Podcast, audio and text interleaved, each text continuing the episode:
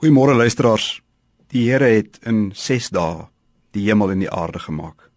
Die see en alles wat daarin is. Op die 7de dag het hy gerus.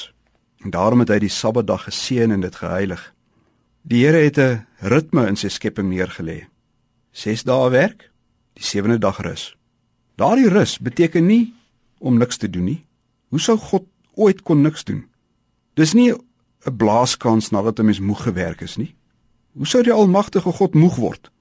As God rus, dan kyk hy na sy werk van 6 dae en hy sien dis baie goed wat hy gemaak het. Hy is baie tevrede. Hy geniet van dit wat hy geskep het.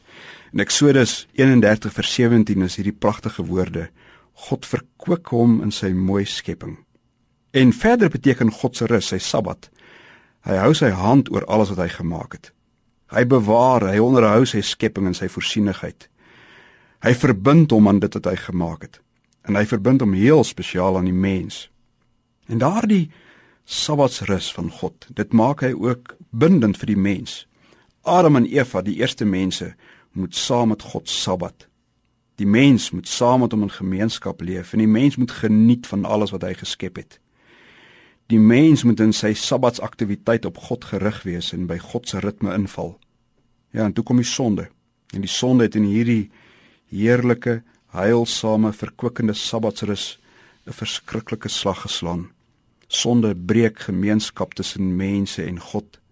Sonde vat genieting weg. Die aarde kry bossies en dorings. Maar dit maak nie dat God sy Sabbatsrus laat vaar nie.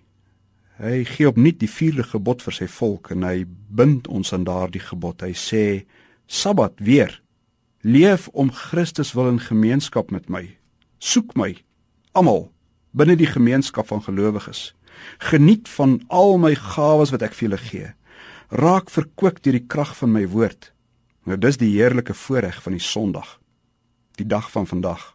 Sondag, opstandingsdag van ons Here Jesus Christus. Rusdag.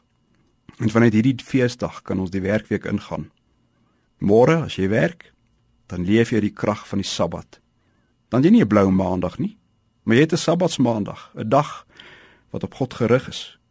Dan laat jy jou nie omkrap deur allerlei mense of faktore buite jou beheer nie.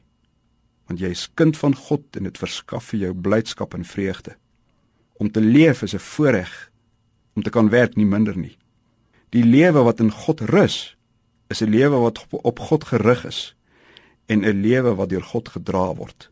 Rus vandag en word versterk met krag uit die hoogte.